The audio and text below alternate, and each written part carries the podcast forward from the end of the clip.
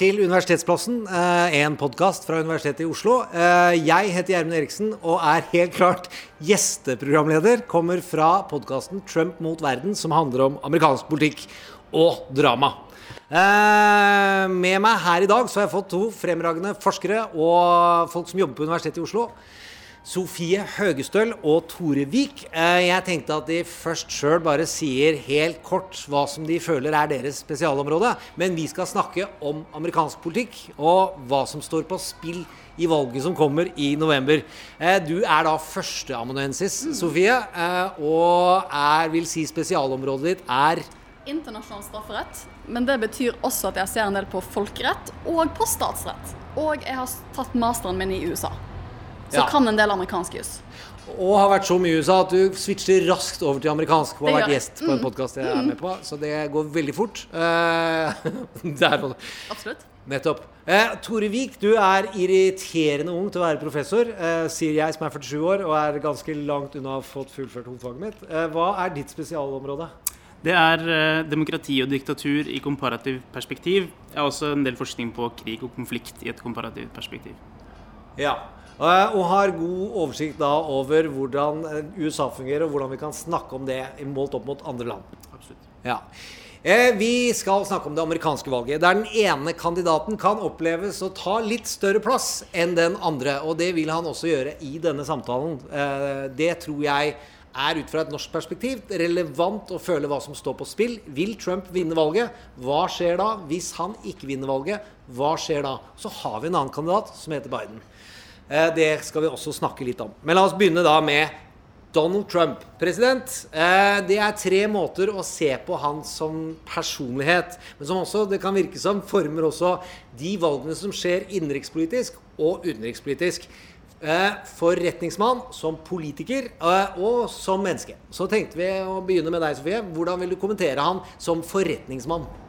Som forretningsmann, jeg har jo nettopp lest boken til niesen til Trump og blitt litt inspirert av den. Og fått litt innsyn i, i hvordan han ble forretningsmann. Han begynte jo i faren sin business, um, selv om han liker å beskrive seg selv som en selvstendig næringsdrivende som har bygget sitt eget selskap. Men han fikk jo en del hjelp av faren sin, og faren hans lærte han også liksom the art of the deal, som han snakker mye om. Hvordan å wheele og deale, hvordan å forhandle på et høyt nivå. Um, og jeg tenker jo, Når jeg tenker Trump og business, så tenker jeg også mye rettstvister. Han er, liker å gå uh, og, og, saksøke folk. Jeg husker ikke tallene, det ligger mellom 3000 til 4000 rettssaker har han ja. vært involvert i. Mm. Og det er imponerende. Uh, men jeg tenker også på en mann som er flink til å spille intriger. Han skal, skal bruke ganske mye tid selv innad i sitt eget selskap på å liksom, uh, få folk til å konkurrere med hverandre. Litt sånn splitt og hersk internt. Og han er også en mann som har vært utrolig flink til å bruke media. Og det har han gjort ganske systematisk siden 80-tallet. Og hvis vi ser hva som skjer i dag, så er det jo at Trump i går kveld tweetet at han enten kommer til å ta imot altså takketalen sin når han får formelt nominasjon til presidentvalget i 2020. Enten skal han gjøre det i Det hvite hus, eller så skal han gjøre det i Gettysburg, Gettysburg uh, Pennsylvania, der en av de mest kjente talene noensinne uh, ble gjort av uh, Lincoln tilbake. Ja. ja. moro. moro. Hvordan vil du overføre noe av dette, eller hva vil du ta tak i med Donald Trump som politiker, og gjerne da som utenrikspolitiker? Nei, altså Mye av det som eh, akkurat ble beskrevet her i hans virke som businessmann, kan jo også overføres til hans eh, virke som politiker og utenrikspolitiker. Han er en mann som ser utenrikspolitikk og også innenrikspolitikk som et slags nullsumspill, hvor uh, hvis han vinner, så må noen andre tape. Og det, jo, det overføres jo også til at han, altså det at han ser politikk veldig som en, som en, stor konflikt, en kamp. Hvor det handler om å delegitimere motstanden, uh, så tvil om motstandens gode intensjoner osv. Og, og, og det kan også ses i hans utenrikspolitiske atferd. Eh, og jeg vil også si kanskje Spesifikt med tanke på utenrikspolitikk så vil jeg ikke si at han er en veldig god eller driftig utenrikspolitiker. Han begår en del strategiske blundere, og det virker ikke som han har så veldig langsiktige visjoner for utenrikspolitikken. Han handler veldig på instinkt, f.eks. Så ingen ja. god utenrikspolitiker, vil jeg si. Eh, som personlighet så har du nevnt boka, boka, boka så jeg vipper vi ut av dialekter. Men eh, jeg er fra Indre Østfold, så det var helt unaturlig. Så snakka du om boka til niesen. Det er også andre biografer som trekker fram barndom, mm. og hvordan han da er en, eh, ikke er eldstebror, og hvordan han alltid da knivet om ressursene, og alltid har sett på dette som eh, Hvis jeg taper, eh, hvis jeg vinner, så må de andre tape. Og han må kare til seg. Eh, og hans ekstreme behov for markering. Eh, hvordan er det det spiller seg ut i forretning og i politikk? Nei, altså i, i, politikken så ser man jo at han er ekstremt opptatt av seg selv og sin egen eh, posisjon i, på TV og i media. Og så, altså et eksempel er når han er på internasjonale toppmøter, så er han ekstremt opptatt av å stå først foran TV-kameraene, f.eks. Han skumper, eh, skumper andre statsledere til side for å stå først. Så han er utrolig opptatt av hvordan han selv fremstår og sitt eget, eh, sitt eget bilde. Og Et godt eksempel på det er f.eks. når han ble bedt om å si noe pent om den nylig avdøde John Lewis som var en stor borgerrettsforkjemper i eh, USA, så var han jo mest opptatt av at han ikke kom eh, på innsvergelsen hans da, i, eh, når han hadde innsvergelse som president. Så det er jo en meget sånn smålig og selvsentrert person vi har å gjøre med. Uh, det er mange som trekker fram at Donald Trump ikke er uh, årsaken, men effekten av en lange, store uh, hendelsesforløp og fenomener som har skjedd i USA over tid, og hvor en av de mest sentrale er polarisering. Uh, hvordan vil du si det har preget amerikansk politikk i nyere tid, Sofie? For meg så betyr det at skal du virkelig få oversikt over litt hva folk tenker, så må du egentlig sjekke to forskjellige typer nyhetskanaler. Man må slå på mer liberal, liberale nyhetskanaler som CNN og MSNBC. Og så må jeg sjekke Fox, for da får jeg liksom begge sidene av saken. Og da er det jo ofte som å lese om samme hendelse, da. På to helt forskjellige innfallsvinkler. Et godt eksempel på det er jo at Trump før helgen valgte å gå inn og lage en sånn presidentordre, en executive order, eh, fordi at Kongressen ikke kunne bli enige om en krisepakke.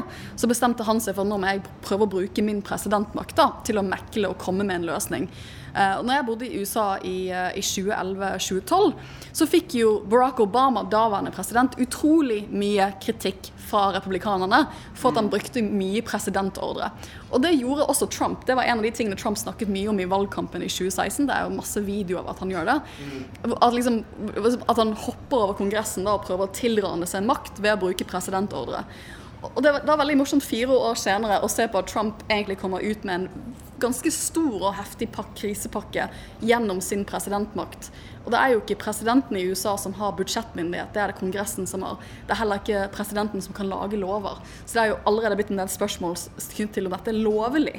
Men når man leser Fox News, er det supert. For fire-fem år siden var de veldig imot at Barack Obama brukte den type makt.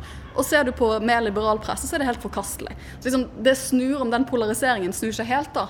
Virker det som av og til ut ifra hvilken farge politikeren har. Ja. Eh, du uh, forsker jo mye på polarisering. Hvordan ser du på polariseringen i USA? Altså jeg tenker I statsvitenskapen altså definerer vi jo polarisering på flere måter. og Den viktigste måten er kanskje at man ser at folk, eh, altså velgere beveger seg mer og mer mot ytterkanten i politikken. Det er jo noe vi på, på sett og vis kan si at vi ser i USA. En, en annen definisjon er jo at man får, altså velgerne og befolkningen får mer og mer intense preferanser rundt noen få eh, stridstemaer. Og det ser vi jo også, eh, også i USA. Og eh, en ve veldig viktig aspekt her er jo f.eks. at når eh, man får veldig intense preferanser rundt noen politiske stridstemaer, så får man på en måte det som ofte kalles overlappende eh, skillelinjer. Altså at, man, at um, det at man er republikaner eller demokrat, det definerer på en måte hele eh, politikken. Et sett med holdninger. Så det er ikke liksom sånn at det er stor uenighet innad i, eh, innad i de ulike velgerblokkene, f.eks. Så i USA har det vært eh, en økende tendens til polarisering. Det er mindre for eksempel, samarbeid på elitenivå i Kongressen. Eh, og, det er mer polarisering i velgermassene. Og det reflekterer selvfølgelig underliggende ting som økt urbanisering, altså at folk segregerer seg i bestemte nabolag og sånne ting. Mediesegregering, men også selvfølgelig da økonomisk ulikhet. da. Eh, og det er da polariseringseffekten er en forsterkende på identitetseffekten at de legger seg oppå hverandre ja. og sementerer ulike skillelinjer. Mm. Er det, når vi har nevnt, altså vi har nevnt uh, medier, vi har nevnt bosted.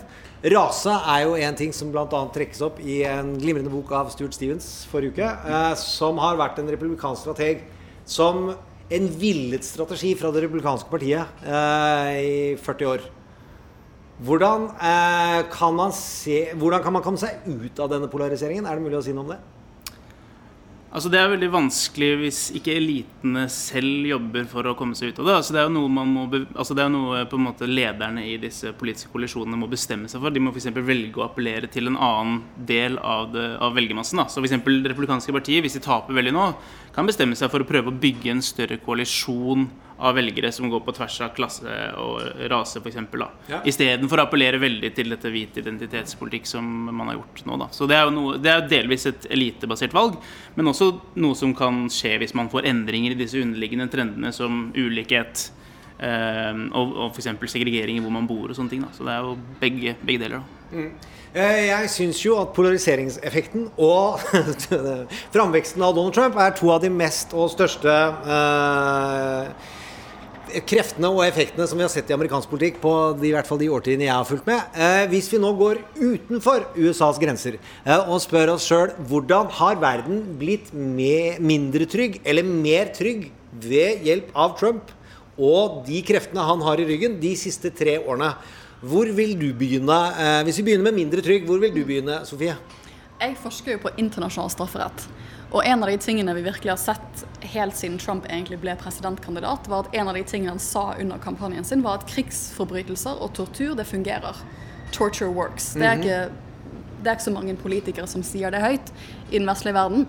Um, og det var jo da en del forventning knyttet til hva gjør han hvis han blir president. For på det tidspunktet i 2016 så vurderte Den internasjonale straffedomstolen å åpne en etterforskning i Afghanistan som nettopp skulle handle blant, altså, om uh, jeg ville vanligvis sagt angivelig, men amerikanerne har jo innrømt å torturere i Afghanistan, så jeg skal ikke si angivelig nå.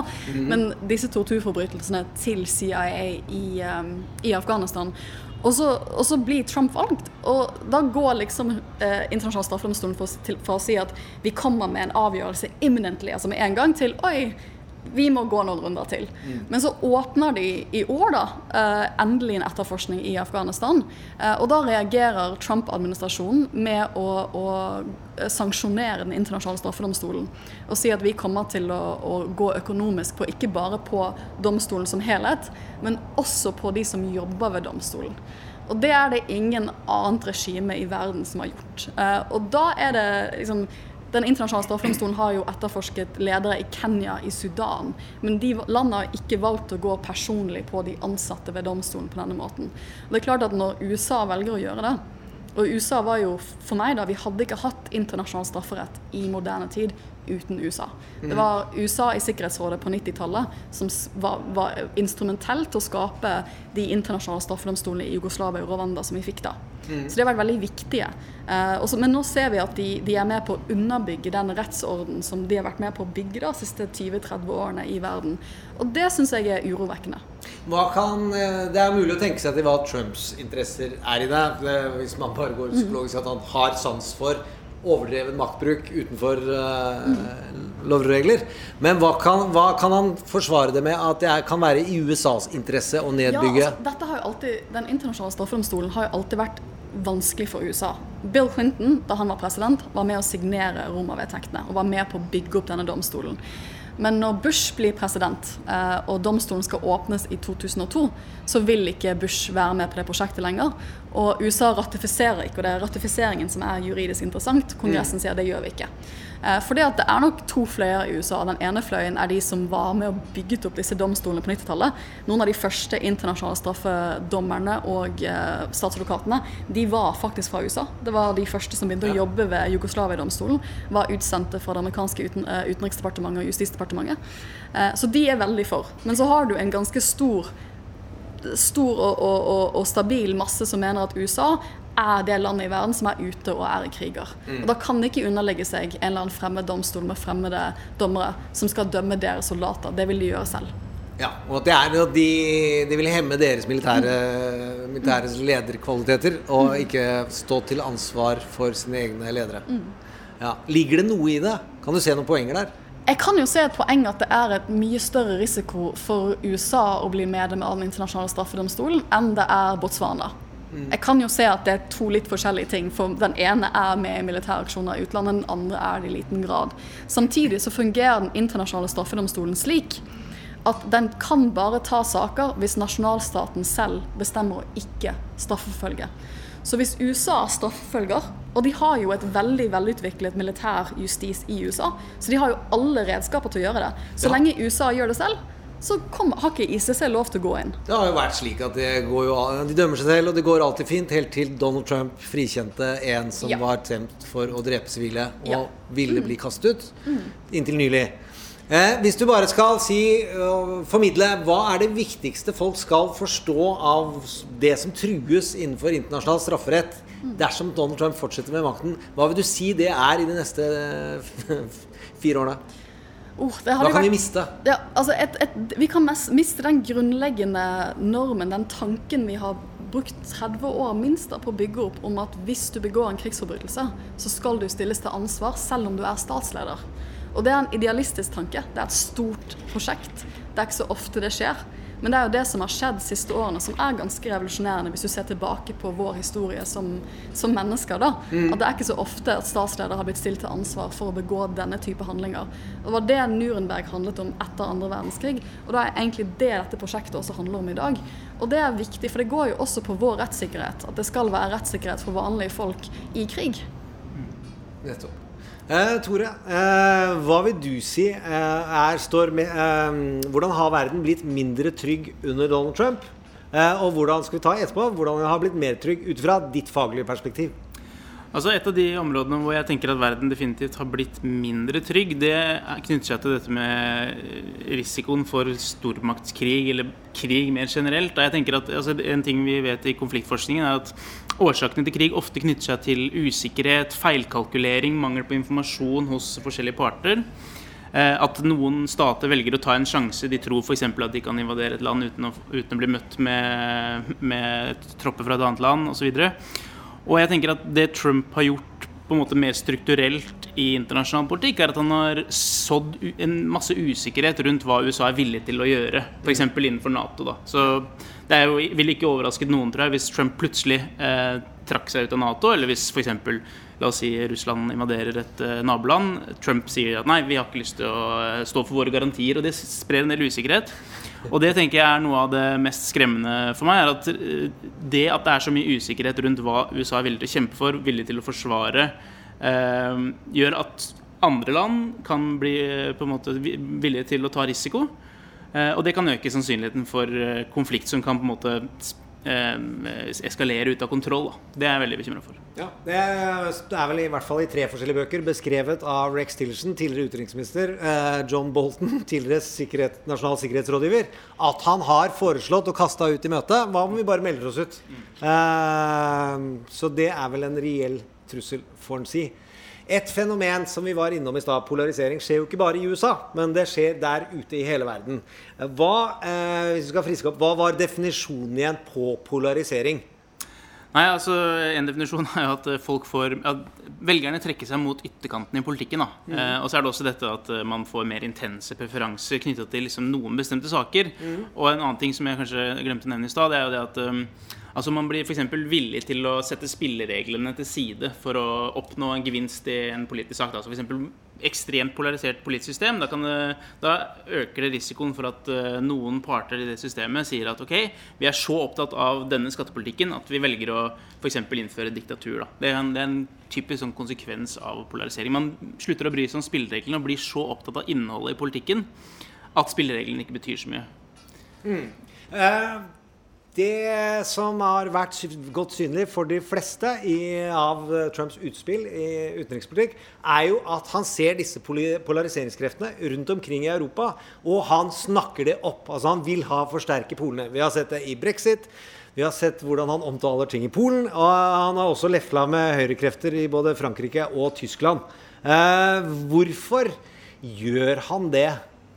Ja, det, tror er flere, det tror jeg er flere grunner. En grunn er jo sannsynligvis at han sympatiserer med disse høyrekreftene i de landene. Så at han ser på de som meningsfeller. Eh, men en annen grunn, hvis man skal tillegge han litt mer på en måte, strategisk tenkning, så tror jeg det også handler om at han ser på EU for eksempel, da, som en konkurrent. Eh, dypest, dypest sett som en konkurrent. Han ønsker å, kanskje ønsker å se at EU blir mer fragmentert, f.eks.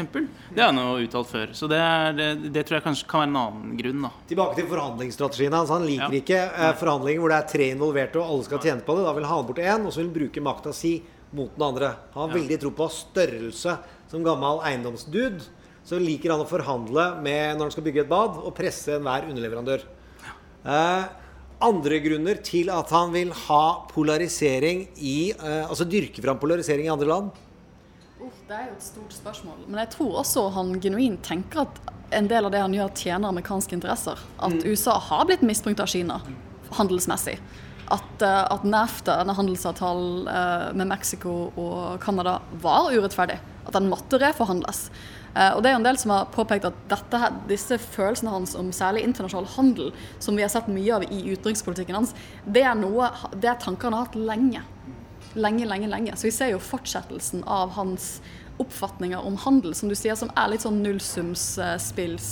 Det er ikke tanke om at vi gjør det bedre som nasjon hvis vi handler mye med et annet land, for da blir de mer avhengige av oss. Og hvis vi kjøper mange av deres varer, så blir de enda mer avhengige av oss. Og da vokser vår kanskje ikke harde økonomiske makt, men andre soft power-versjoner. Da får vi mer makt i, sånn, i, i en langsiktsstrategi. Og det er nok ikke noe Trump helt er enig med. Ja. Det vi, for de som har kjempeinteresser, kan bare gå inn på YouTube, finne gamle intervjuer med Donald Trump fra 80- og 90-tallet, der han egentlig bare var en kjendis som uttalte seg masse. Da var Japan Ja. eh, kjent som den store truende økonomien. Det har jo endra seg. Eh, forholdet til Kina, som han nå blåser opp eh, for å få litt vind i sine egne valgkampseil, hvordan tror dere han har tenkt til å bruke det? Han bruker det jo allerede aktivt i kampanjen sin, og, og sier jo rett ut at han mener at Joe Biden kommer til å være snill mot Kina, men at han kommer til å være ekkel mot Kina. Han kommer til å være like hard som han har vært, og han kommer til å forhandle bedre forhandlings- og, og, og trade-regler enn det man har. Hvordan tror du han vil bruke Kina? Nei, altså jeg tror, som, som blir sagt her, at uh, han, vil bruke, han vil bruke det for å på en måte fremstille motstanderen som en slags sånn uh, Kina-vennlig eh, part. Altså, han, har, jo sagt Beijing Biden og sånne ting om Joe Biden. Eh, så jeg tror han vil bruke det innenrikspolitisk. På en måte eh, fremstille Kina som en sånn fiendebilde og eh, si at hvis dere velger en demokrat, så vil, så vil på en måte forholdet til Kina vi, Da vil vi fortsette å bli utnytta, da. Ja. Um, ja, det tror jeg. Vet vi noe om hvor godt fotfeste dette har i amerikansk opinion? Eh, tradisjonell utenriksvalgforskning eh, valgforskning sier jo at utenrikspolitikk ikke betyr så mye for folks preferanser, med unntak av når landet er i krig, eller når man er lei krig. Og nå er vel alle eh, partiene enige med at de skal prøve å krige så lite som mulig. Ja. eh, Det er et interessant spørsmål. Hvor mye biter folk på? Men jeg tenker nå at en av de tydeligste valgløftene han kom med i 2016, det gikk jo på handel, som er en del av utenrikspolitikken hans. Ja. Og det var veldig tydelig. Det var ikke måte på hvor mange land som skulle, som skulle domineres, og som skulle behandle USA på en bedre måte. Og han sier jo veldig ofte at 'we were the laughing stock'. Folk lo av oss. Så ble jeg president. Nå respekterer verden USA igjen. Eh, og det tror jeg nok er noe som fenger en del av velgermassen hans. Men det har jo vært litt interessant for en del av de som virkelig har blitt berørt av denne handelskrigen med Kina, det er jo bønder i en del av disse viktige statene for Trump, som har måttet tåle at, eh, at Ut fra Kina hans handelskrig. ja, så altså, Kina har lagt tariffer på amerikanske produkter. Ja. Og de som virkelig har følt det på kroppen, er jo, er jo de som driver med, med landbruk Og de har mista handelsavtalene sine i, eh, i, på lange kontrakter, og hvor tiår kan være Ja. borte. Så det er et sånn interessant utspill av den politikken da, er at en del av hans egne velgere har måttet stri med det i praksis. Vi må nærme oss et annet relativt eh, fascinerende fenomen ved eh, amerikansk utenrikspolitikk under Donald Trump. Hans fascinasjon for det autoritære. Og mens vi er der, så er det vel naturlig å begynne med Russland. Eh, hva kan være det er masse man kan spekulere i, men som det ikke finnes forskningsmessige forskningsmessige resultater for hvorfor Donald Trump eh, er levende opptatt av å ha et godt forhold til Putin. Men hva kan være de politiske grunnene som han er tjent med for USA? Eh, Nei, altså jeg tror, jeg tror jo noe av det handler om Kina. Altså han, han, jeg tror han innerst inne ser på Kina som den store geopolitiske konkurrenten til USA. Og da tror jeg, og jeg vet ikke om han har nevnt det tidligere, men hvert fall jeg lurer på om før, før han ble president, så sa han liksom at en allianse med Russland ville vært veldig gunstig for USA. Fordi da kan vi eh, slå Kina. ikke sant? Så jeg tror det er noe av tenkningen som, som ligger til grunn for det. Men så tror jeg også det er det at han på en eller annen måte identifiserer seg med ideologien rundt Putin, Putin som sterk leder, sånne ting. Jeg tror det handler også om det, at han ser på Putin på et eller annet nivå, kanskje underbevisst, kanskje bevisst, som en slags meningsfelle. Han, han ser opp til sterke ledere. Så jeg tror, jeg tror det, det er en annen grunn, da. Dette er jo en av de største altså Han har eh, snudd opp ned på ganske mange dogmer i det, det republikanske partiet. Men der hvor de Hvis man husker Romney-kampanjen, og Romney debatterte mot Obama og sa at uh, Russland er vår hovedfiende, så latterliggjorde Obama det. Uh, og sa at han gjerne måtte uh, telle hester og tankskip, men at verden hadde endra seg siden. Så har det vist seg at Romney kan ha hatt rett. Hvordan tror du det Hvordan kan et, så, et skifte skje så fort? Altså, når vi snakker om polarisering, da. For meg, hadde du sagt til meg for ti år siden, da jeg bodde, bodde i USA, eller bodde først i London og så i USA, at om ti år så kommer Boris Johnson til å være statsminister, og han lederen for The Apprentice uh, kommer til å være president, og kommer til å synes at Russland er kjempefint så hadde jeg Det hadde jeg bare ikke trodd. Det hadde vært for drøyt. Det er veldig rart å se republikanere som så, har vært så konsekvente på Russland mm. i ti, flere tiår, plutselig snu en del. da. Uh, og det, det, er Jeg syns det er kjempefascinerende. Mm. Og, og, og akkurat det, det er jo veldig interessant, for det sier jo også noe om dette med polarisering og identitet. Altså at det, det er veldig mange politiske holdninger som vi nå har lært i, i, den amerikanske velgermassen kanskje ikke stikker så veldig dypt, men det handler om partiidentitet. Så det er viktigere for folk å identifisere seg med Trump og det republikanske partiet enn uh, utenrikspolitikken til Russland. Det er ikke et veldig viktig tema for folk. Det viser seg da. Uh, den verdensorden som under Trump nå begynner å ta form, la oss si han vinner, og at vi får fire år til. Uh, hva, og der er det en ting som du sier, at han kjenner seg igjen i det autoritære i Putin. Og så kan man si at han virker jo som han kjenner seg igjen i det autoritære, og er fascinert av det autoritære i ganske mange andre ledere vi ikke inviterer til Norge støtt og stadig for å klippe snorer.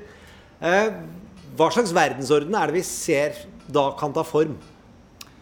Nei, altså jeg tror det vil være en verdensorden hvor eh, det er dårligere vekstvilkår for demokrati, generelt rundt omkring i verden. Altså hvor det ikke er lenger er en supermakt som i hvert fall på en måte kommer med ideologiske støtter til demokrati. Da. Altså USA har jo alltid holdt, holdt seg inne med en rekke diktaturer i Latin-Amerika og, og, eh, Midtøsten og en del andre steder.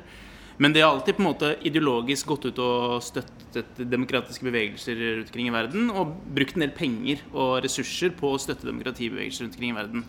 Ehm, den støtten vil ikke være der lenger. Det, det, og det tror jeg faktisk har ganske mye å si, og det sier demokratiforskere eh, mm. Det er demokratiforskere ganske enige om, at hvis den støtten nå fortsetter å på en måte forvitre, mm.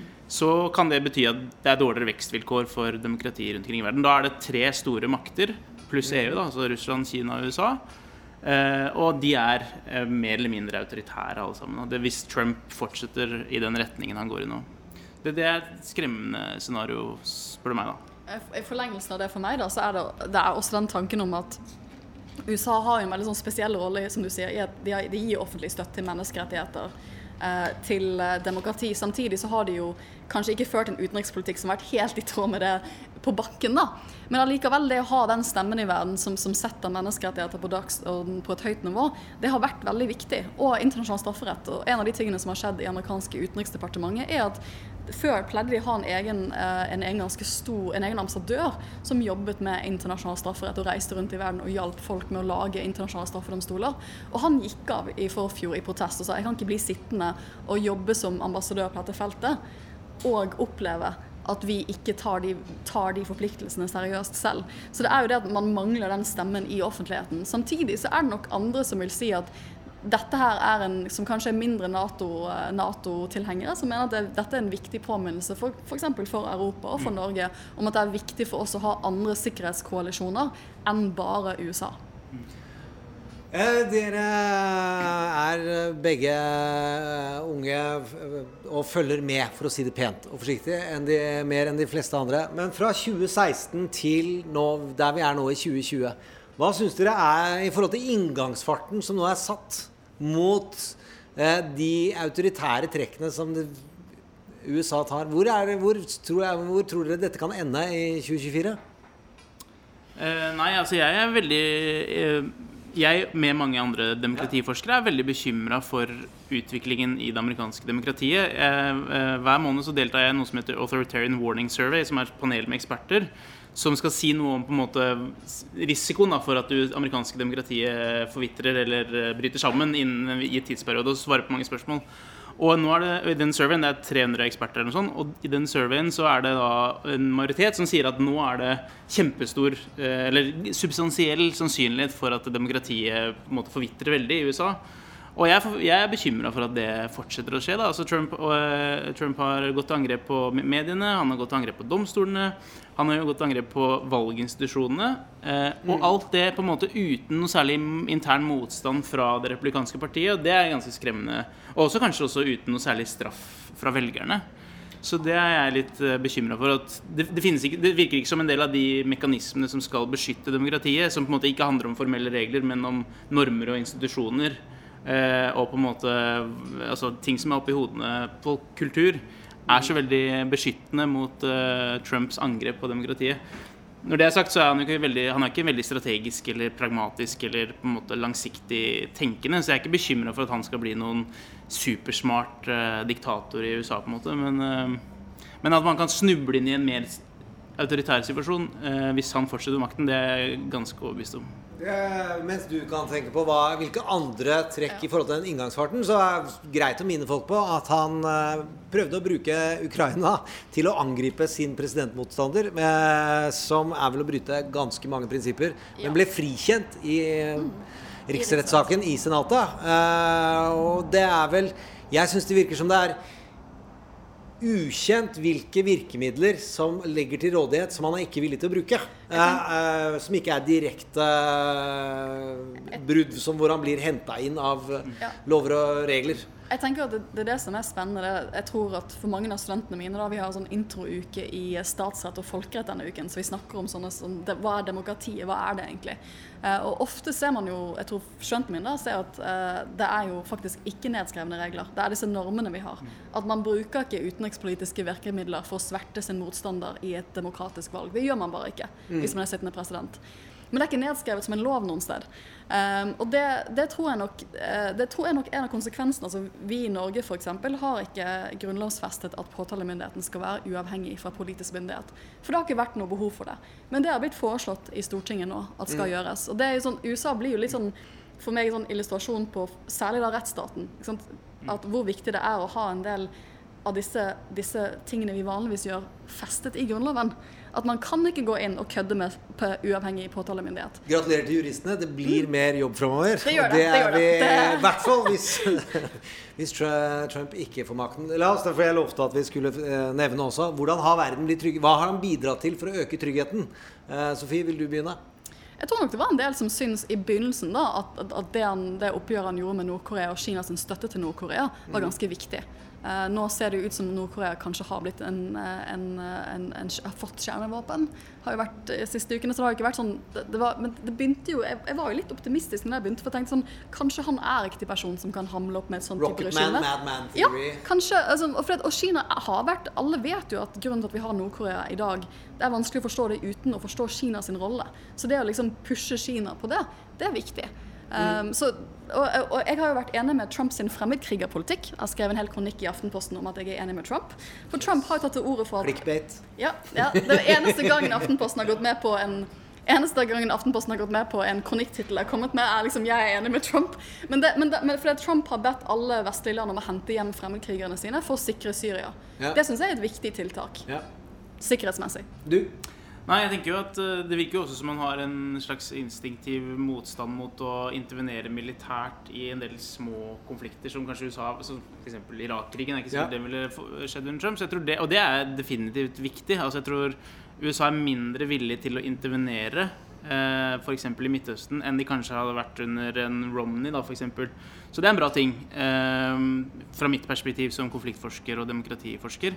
Ja. Eh, men så er det også kanskje det at eh, han er en slags vekker eh, for andre land. Altså, som Sofie nevnte, så tenker nå kanskje land i Europa, Norge, at vi må kanskje finne andre allianser. USA er en uforutsigbar stat. Det har vi sett nå, det, og det, alle de trendene vi har diskutert i dag, som polarisering f.eks., gjør at USA vil fortsette å være en uforutsigbar stat. og Derfor må kanskje resten av verden bli litt mindre avhengig av USA. Da. La oss være eh, litt kortere rundt Biden, og det er ikke fordi eh, vi, det ikke kunne vært snakket lenge om men la oss si at eh, hva vil hvilke, Hva slags type brudd vil han være fra Obama-administrasjonens tilnærming til verden.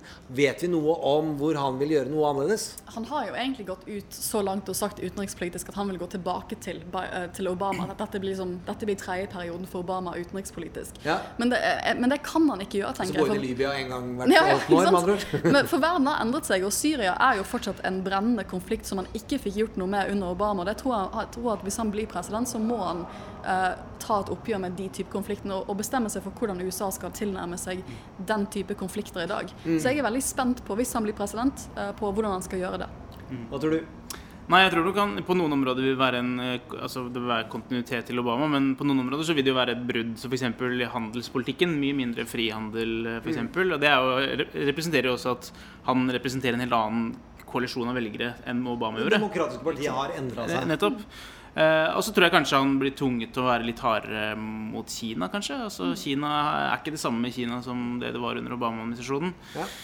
Men det er vanskelig å si. da Det er, er, det er ikke så lett å spå hva, hvordan Biden-administrasjonen ser ut. La oss kaste opp en hypotese om at eh, Trump taper valget. Eh, Biden kommer, og så er det to veier det kan gå. Utrolig vanskelig å finne tilbake til en pre-Trump-verdensorden det er TC1.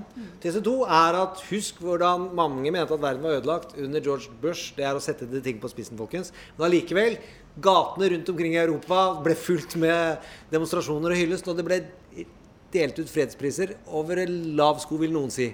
Eh, så det var et stort behov for forsoning. Hvilke hva, vil, hva tror dere ikke ville endre seg, og hva vil lett finne tilbake til en type harmoni? Jeg tror EU og Nato kommer til å være lettet og kommer til å kaste over seg for å invitere Joe Biden på besøk. Stort statsbesøk og feire at de, de vanskelige fire årene er nå over. Nå er vi tilbake til en normal, i alle fall i Nato, og kanskje i forholdet med EU. Du? Nei, det tror jeg definitivt. Altså, altså Alliansemønstrene og på, på, på, politisk lederskapsnivå så vil det nok være eh, ting kanskje gå litt tilbake til eh, normalen. Men når det gjelder en del av de som underliggende driverne i amerikansk politikk, så er det på en måte vanskelig å se for seg at det går tilbake til normalen. Så sånn sett ser jeg liksom for meg at det blir ikke Obama 2-0. på en måte, det blir, det, blir, det blir, Biden, og det blir noe helt annet. da. Ja. Og så er jeg fryktelig spent på hvem som blir utenriksminister. Men til slutt, for dere har, to, dere har mange spesialområder, men dere har hvert deres som kommer til å påvirke innenriksvalget som kommer. Det, og her må jeg dessverre bedre, må være ganske kort. Jeg, du er valggjennomføringsekspert også, på sett og vis. Hva skjer nå med posten i USA? Det er kjempespennende. Jeg tror at hvordan dette valget blir gjennomført praktisk altså Kan folk få folk stemt på en ordentlig måte? Har folk tillit til at de har fått stemt? Har de tillit til at den poststemmen har kommet frem til riktig sted? Det mm. tror jeg blir avgjørende for hele valgkampen. Og får vi et valgresultat på valgkveld, eller må vi vente tre uker? Og ender det hele opp i Høyesterett. For litt sånn som ting er på vei nå, så ender dette opp i Høyesterett. Du er ganske trygg på at det kommer til å ta én uke, eller vil du, hva vil du si? Jeg tror at fordi at en del av de statene som nå masseinnfører poststemming, ikke har gjort det før. Mm. Og det tar lengre tid å telle. Det tar ja. mye mye lengre tid å telle. Og mange av de har ikke praktiske muligheter i dag da, til å begynne å telle opp på forhånd. Mm. For de statene som gjør poststemmer, de begynner ofte å telle opp to uker før. Sånn at de teller opp i si, sånn at de har telt opp ganske mye innen valgdagen. Da må de endre altså hvis, Men de som ikke har gjort det, hvis de skal begynne å telle alle de stemmene på valgdagen, så er ikke det mulig. Og for dere som ikke har fått med dere, han prøver å strupe ressursene til Posten, sånn at ikke Posten skal fungere i det hele tatt. Altså han viser da til Donald Trump. Du har et helt spesielt uh, område som er massedemonstrasjoner. Noe det har vært voldsomt mye av siste halvåret i USA knytta til raseopptøyer, men også generell misnøyeopptøyer med hvordan uh, politiarbeid selvsagt har fungert. Hvordan vil det påvirke valget, tror du? Nei, altså jeg ser jo for meg at Hvis noe av de tingene som ble beskrevet her med tanke på angrep på valginstitusjonen og gjør det vanskelig for folk å stemme, så kan det fort oppstå ganske store protester i forbindelse med valget. Både før valget, men også kanskje etter valget. Og jeg synes Det er veldig vanskelig å si hvor, hvor store de blir, og hvor, i hvor stor grad det vil påvirke liksom, hva som skjer. Eh, Trump bruker dette for å mobilisere egne velgere for å få troverdighet på lov og orden, som eh, noen vil si er kodeord for å passe på at det er de hvite som skal vinne. Mm. Eh, hvordan er det han kan fortsette å bruke de kreftene i hvilke delstater tror du han vil gå ut med? Altså, Han vil jo vise til det i de delstater hvor det har vært ganske mye protester. da. Eh, men det er jo ofte i delstater hvor han kanskje ikke er så, står så sterkt, sånn som i Oregon f.eks. Eh, så ja. Ja. Ok. Eh, det var alt vi rakk for i dag her fra podkasten Universitetsplassen på Universitetsplassen. Det var veldig moro for en gammel Blindern-gutt å komme tilbake igjen og faktisk bli bedt eh, i offisiell sammenheng. Eh, finn podkasten på alle steder der podkaster kan finnes. Finn Facebook-sida til podkasten. Finn eh, Sofie Høgstøl sine bøker, artikler og steder hvor eh, forskningen renner ut av eh, ansiktet hennes, munnen. Eh, og også Tore Viks publikasjoner. Les de eh, og følg dem. Og hør gjerne også på Trump mot verden på NRK. Takk for oss, og ha det bra.